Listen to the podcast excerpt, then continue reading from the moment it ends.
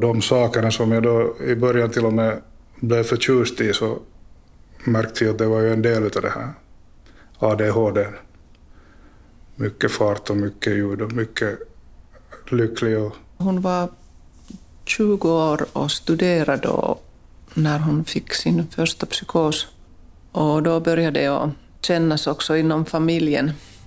Alla blev lite skrämda. Största maktlösheten som man har känt så är det där att man inte man skulle vilja hjälpa men inte kan.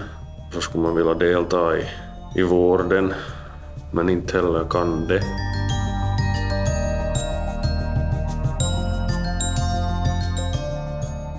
Välkommen till Psykprat med närstående, en serie om mental ohälsa.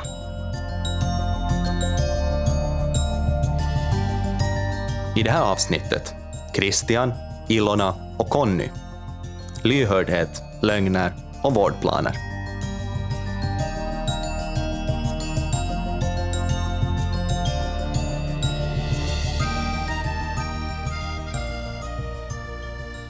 Hon tvättar håret och byter till rena kläder för att läkaren inte ska se hur illa hon mår. Hon skyndar upp ur sängen och lägger skolväskan vid dörren, allt för att partnern inte ska upptäcka att hon har legat hemma hela dagen.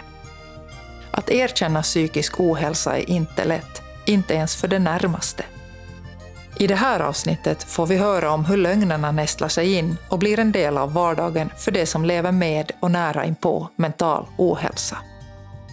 Vi tar del av tankar kring maktlöshet och hur de närstående ibland upplever att de måste lägga sig i vårdplanen för att den sjuka ska få rätt vård. I samtalet medverkar Conny, Ilona och Christian. Conny är partner till Selinda som haft djupa depressioner och som också är diagnostiserad med emotionellt instabilt personlighetssyndrom. Ilona är mamma till Sigrid som har en schizoaffektiv störning och upprepade gånger hamnat i psykos och Christian är gift med Mirella som har en ADHD-diagnos. Deras problem kommer i olika skepnader och olika grader, någonting som de också själva är medvetna om. Vi träffas i Psykosociala förbundets kontor i centrala Helsingfors. Utanför fönstret kör då och då spårvagnar förbi, mullrande dova ljud och gnissel. Det påminner om en annan sorts liv, liv som inte alltid går på räls. Conny berättar om den första tiden med Selinda. Om hur Selinda inte fick någonting gjort, om hur hushållet förföll när han var borta på träningsläger. Och om hur han senare insett att apatin var en del av hennes sjukdomsbild.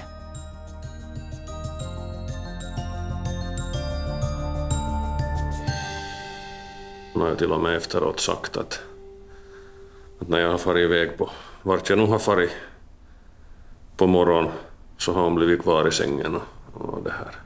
Inte stigit upp därifrån på hela dagen, men just före jag kommer, hon vet att jag kommer hem så, så har hon stigit upp och makeat sig och klätt på sig och satt sin skolväska i tamburen. Det ser ut som att hon skulle ha kommit hem därifrån. Sådana, sådana grejer som jag ju inte märkte då, men, men det här, man märkte ju ändå att, vi, att liksom ingenting fungerar. Det här är en del av sjukdomsbilden då, att man ljuger för sina närstående helt enkelt? Ja, tyvärr, tyvärr ja av, av någon anledning och sen våra strider har många gånger slutat, slutat liksom med, med, med det att man har liksom, man reagerar, överreagerar ju själv sen också. Det här säger att, att, att antingen måste du söka hjälp för att du är sjuk eller sen måste, måste hon liksom skärpa sig för att det kan inte fortsätta så här. Det här. Hur är det med lögner idag då? No, jag hoppas att, de att, att det inte finns såna. Jag, jag har nog lärt mig se på hennes kroppsspråk också att när allt inte är okej. Att, att det här två gånger har hon ju fått återfall om man kan säga så. Och, och det här. Andra gången så kände jag ju igen de där tecknen nog ganska tidigt. Men ändå var det den här samma processen att, att det här hon inte erkände att, att det här det var problem att nu som situationen är idag så, så påstår hon själv i alla fall och jag tror att det nog säkert stämmer också ganska långt att det här hon, hon känner sig själv nu också och kan dels bearbeta och, och hantera de situationer som kommer. Hon förstår vad det är som händer i kroppen när hon får no, no, några lindriga symptom. Det här. Jag hoppas att, att om, om, eller jag, för, för jag hoppas ju att det inte kommer flera återfall förstås, men att om det kommer så hoppas jag att, att, vi, att jag får henne att söka hjälp tillräckligt tidigt helt enkelt. Att inte behöva gå så som det har gått de här tidigare gångerna. Hur är det med er andra? Har ni erfarenhet av, av lögner från den som har då en diagnos eller är psykiskt sjuk? No, nu har Sigrid ljugit att hon har tagit medicin då i de skedena som, som hon inte ville äta medicin, men sen märkte man att... Och hon märkte själv också att, att det skulle hjälpa att hon tar sin medicin. Hur är det Christian med Mirella? Förekommer det lögner när hon är uppe i varv? Nej, inte, inte vad jag vet om i alla fall. Vågar nog påstå att det inte skulle vara lögner med. Händer det att ni som närstående ljuger för den som då har den här mentala ohälsan eller diagnosen för att behålla någon slags harmoni och lugn i familjen?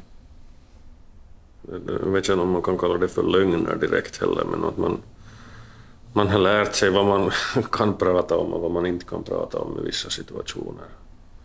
Nå, ett, ett konkret exempel som var liksom med, med, med det här varit en sån enkel sak som att få räkningar betalda. Så var för henne, henne liksom att hon, hon gömde, gömde räkningar för hon klarade inte av liksom, hon fick det bara inte gjort. Vilket resulterade i att, att det här det kommer påminnelser och indrivningar och, och, och det här telefoner som blir avstängda och så vidare innan, innan det liksom då blev så att jag fick börja sköta, sköta om hennes ekonomi också. Så efter, efter det sen så har det ju varit så där att om det har varit liksom något större utgifter som, som vi har behövt ha, som man vet att, att hon skulle ta stress över, så då har jag liksom försökt liksom sköta, sköta det och så gnatar man på utan att hon ska behöva liksom ta stress av sådana saker. Och det här andra, Man andra, andra bäddar lite för att hålla det liksom Ja, stabilt man, det är nog väl någon slags liksom beskyddande effekt eller liksom sån här egenskap som man har då. också. det kan hända att jag handlar helt fel som gör så också, jag vet inte.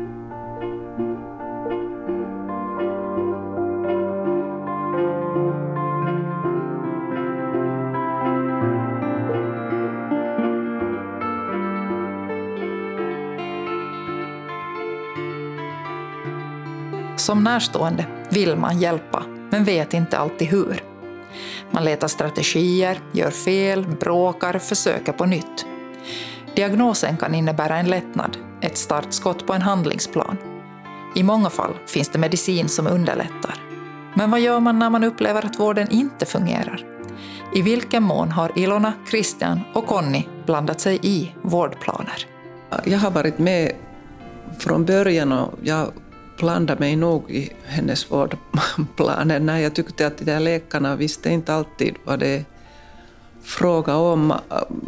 Särskilt det att, att de ville hålla henne stängd inom, inom sjukhuset och inte släppa henne fri. Och de påstod att, att hon blir bättre när hon, hon sitter där stilla och tittar på väggarna. Och jag, jag tyckte att det var helt tvärtom, att hon var ju social människa och ville se andra människor och, hon hade en, tyckte om hundar och hästar och jag tyckte att det skulle hjälpa mycket mera och, och, och jag föreslog att hon skulle få fritt. Och, och sen efter det fick hon mera fritt och hon fick fria veckosluten och, och sen också den där medicineringen så började hon själv sen äh, motsätta när de provar på olika mediciner. Och, så de verkar ju helt olika och hon måste säga att den här passar inte åt mig, att jag vill byta medicin. Och de var, varför vill du byta igen medicineringen? Och hon sa att den här passar inte åt mig. I vår familj så är det nog liksom det är nog helt och hållet så att jag, jag blir berättad, Mirella berättar åt mig om vården och jag liksom inte behövs där. Att i ett tidigt skede så var jag med till, till den där terapin när de ville ha Mirella Skar med och prata där. Och då gick vi lite igenom de här sakerna. Då var vi alla ute samma åsikt att så länge som det inte är något problem och Mirella vill liksom ha det på det här viset så får det gå så här. Klart, klart skulle man ju liksom, man skulle måste ha några färdigheter sen om det svänger sig någon dag men nu, nu så far jag nog på vingen kan jag ärligt säga att Mirella sköter nog. Jag tror att vår familj skulle kollapsa snabbare nu om jag skulle bli sjuk. Jag behöver inte hjälpa Mirella i dagens läge lika mycket som Mirella hjälper mig. Att det, där, så det är nog så som vår familj tvinnar. Att hon är åter på den sidan så är hon också energisk. Så ni har hittat en ganska fungerande vardag med hennes ADHD med andra ord? Så tycker jag i alla fall, ja. ja. Vad har varit nycklarna till att hitta den då? Mm, det har nog varit det att vi har pratat och allt började med det att Mirella berättade åt mig. För det var helt nytt. Allt var helt nytt åt mig. Och så har vi nog provat olika saker här längs med vägen. Och så just det här, när här är möjlighet att prova, ADHD är ju inte så att, att de liksom... Heller Mirella inte i alla fall på det viset att hon skulle helt rasa heller. Liksom att hon ändå... Hon kan vara lite tröttare någon gång, och, men det är inte liksom frågan om det att hon faller i sängen och inte kan orka på en vecka, två stiga upp. Det har, det har ju inte vi. Så det där, hon har nog i princip lärt mig. att i det här och den här situationen så gör vi det så här och så här. Så har vi nog gått framåt. Vad har det krävt av dig då, utöver att lyssna? No, det som ni sa, att lyssna, så det, det är den största saken. Och så kanske lite, man håller sig lite tillbaka. Man skulle kanske någon vilja hjälpa mera. Eller jag kallar själv det, eller använder ordet hjälpa. Men man liksom lite tränger på sig när man inte behöver, hon behöver inte sån hjälp. Man kanske någon tänker att man skulle lite vilja göra mera. Så jag har lite fått hålla fast i mig själv ibland. Var drar man den gränsen då? Hur hittar man den? Det gäller ju säkert er alla. Hur läser man av när man ska ta ett steg tillbaka och låta den, den drabbade själv sköta saker och ting? Till vårt fall så, så är vi båda av den åsikten att, att Celinda skulle ha fått bättre och snabbare vård om jag skulle ha kunnat vara delaktig liksom i, i vården eller varit med och träffa och kunnat liksom berätta hur det egentligen ligger till. Medan, medan sen än i denna dag så ska jag nog inte sen gå och ge något råd åt Celinda direkt liksom så här att, att, att det här hur, jag tycker att hon skulle borde göra för att det, det blir oftast bara fel av en eller annan orsak oberoende om jag kanske har rätt eller fel. Så, så det här. Hur håller du dig från det då? Tipsa andra som är i samma situation? För man vill ju som sagt vara ofta gärna. Man vill ju, ja. Man har ju lärt sig med tiden att att man måste bara låta vara, eller sen liksom försöka. Man ser att, det, att hon skulle behöva göra någonting så försöker liksom uppmuntra till det sådär i smyg, inom citat, liksom lite, lite försöka styra utan att styra allt för mycket. Men, men det här hjälpa, hjälpa i, i hemlighet, hur man ska, det är så svårt att förklara. Men det verkar handla om någon slags lyhördhet då också, att man lär sig läsa av den det också, ja. närstående förstås. Mm. Terapeuten sa i tiden då när vi var där en gång att om det riktigt blir illa och det, det är vinter så det där, lyft ut Mirella barfota i, i snödrivan så lugnar hon ner sig. Det, det har jag fått någon har du som, gjort det? som råd. Nej, jag har inte gjort det men... Än. Eller hoppa, hoppa i baken, ja, ja. så som jag gör. ja.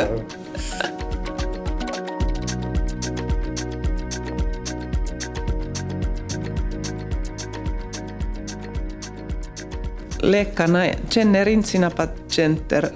De känner bättre de där mediciner, hur de verkar på en kropp, men de känner inte så bra den där själen, människan. Att lite mera psykosociala kunskaper skulle jag önska att de, de skulle skaffa sig. I vårt fall så gick det ju så långt en gång att, att den här psykiatern skulle skicka henne tillbaka till arbetslivet och jag såg ju att det, det funkar ju inte. Hon kom ju själv också hemgråtande från den här träffen och det här. Jag fick ju inte heller, no, det var kanske lika bra att jag fick tag på den där psykiatern, vad heter det, per telefon, men, men jag skickade ett väldigt argt e-mail till, till denna, denna människa och det här. Jag minns inte exakt mer hur det gick till men hon fick i alla fall en ny tid till den här läkaren och, och det här. Sen blev det längre sjukskrivningar och, mera bättre vård nog efter det.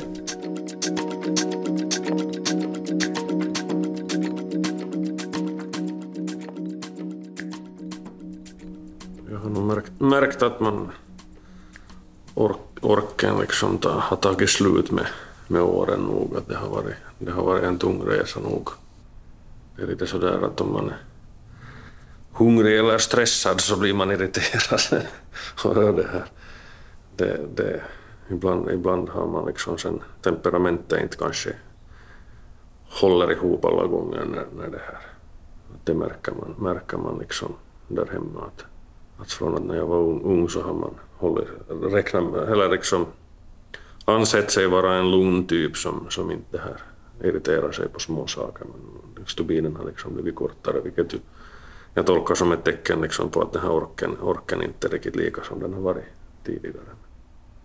Vad kan du göra åt det då? Finns det någonting du kan göra åt det? Eller ni kan göra åt det? No, har vi ju diskuterat många gånger. Att det ju, vad jag nu själv kan göra åt det är att när jag märker att jag blir på sånt humör att jag börjar slänga över mig osakligheter så då, då är det kanske bättre att man försvinner någonstans och det här, inser att, att det, för det leder ju ingen vart när man blir på sånt humör. Hur är det med er andra? Vad, vad tar ni till för knep när orken tryter att, att hjälpa den som är drabbad?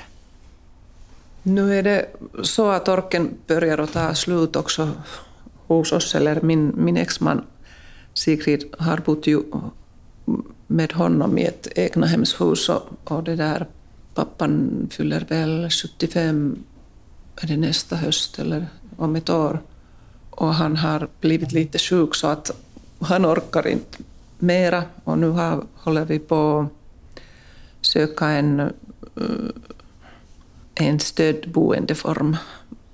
Och läkaren har visat grönt ljus och jag tror att det går framåt att hon har möjlighet att få en bostad. Hon behöver en bostad var hon kan bo tryggt. Jag orkar nog mera men hon och vi har varit mycket tillsammans nu på sistone men, men det där av någon ad, anledning så vill hon inte vara så mycket med mig. Det är kanske någon en mor-dotter-relation eller jag har inte tänkt djupare på det men, men det där hur känns det för dig? När hon säger att hon inte vill umgås med dig då, och du vill finnas där och hjälpa? No, jag tycker att det är naturligt. Många av mina vänner säger att deras döttrar vill inte prata ens med dem. Att de vill resa utomlands och inte ens ringa. Inte mammorna alltid de bästa, bästa vännerna för döttrar. Men tror du att det är annorlunda när din dotter är sjuk. Du har också två andra barn, vet jag ju. Mm. Så är, det liksom, är din relation till Sigrid annorlunda än till de andra barnen? No, vi är nog goda vänner, men hon vill inte ha mig som, som sin viktigaste stöd, skulle jag säga. att Hon skulle vilja ha en man och en familj, tryggt förhållande utan mamma, så är det. Vill du vara hennes viktigaste stöd? Nå, helst inte. Nu tycker jag att hon har så mycket väninnor och stödgrupper att, att de kan mycket bättre stödja henne än jag.